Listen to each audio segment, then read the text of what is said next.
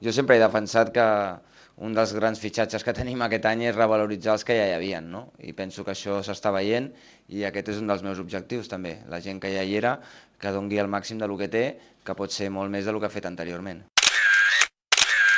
Si penso que l'equip necessita algun petit canvi del plantejament perquè t'ho demanen els entrenos, t'ho demana el rival, t'ho demana el que veus del teu equip i a vegades que prefereixes doncs, donar continuïtat als plantejaments anteriors. En funció d'aquestes dues coses pot passar les dues, és a dir, es pot fer algun retoc o es pot donar continuïtat. En buscàvem una mica d'un jugador eh, que et garantís pues, que té una experiència a la categoria, que té un bagatge, que és un bon jugador, per suposat, que pot jugar en els dos perfils, com tu molt bé has dit, eh, però a partir d'aquí ja es veurà, ja es veurà perquè jo no estic tancat a res, és a dir, a dia d'avui els laterals titulars aquesta setmana són el Didac i el Javi, mm, ja veurem què va passant i ja veurem que, com movem aquestes peces nosaltres.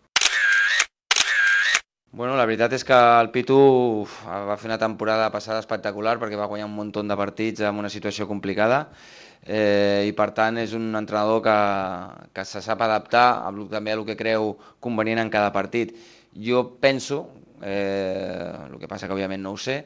que la cosa es pot aproximar més al, del dia del Betis que el dia del, del Barça, però eh, segurament el seu entrenador buscarà alguna, algun matís per sorprendre'ns.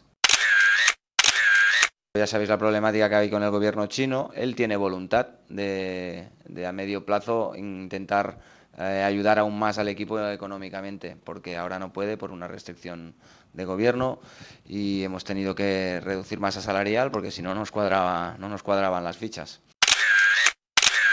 Des d'aquí volia felicitar públicament al Sergio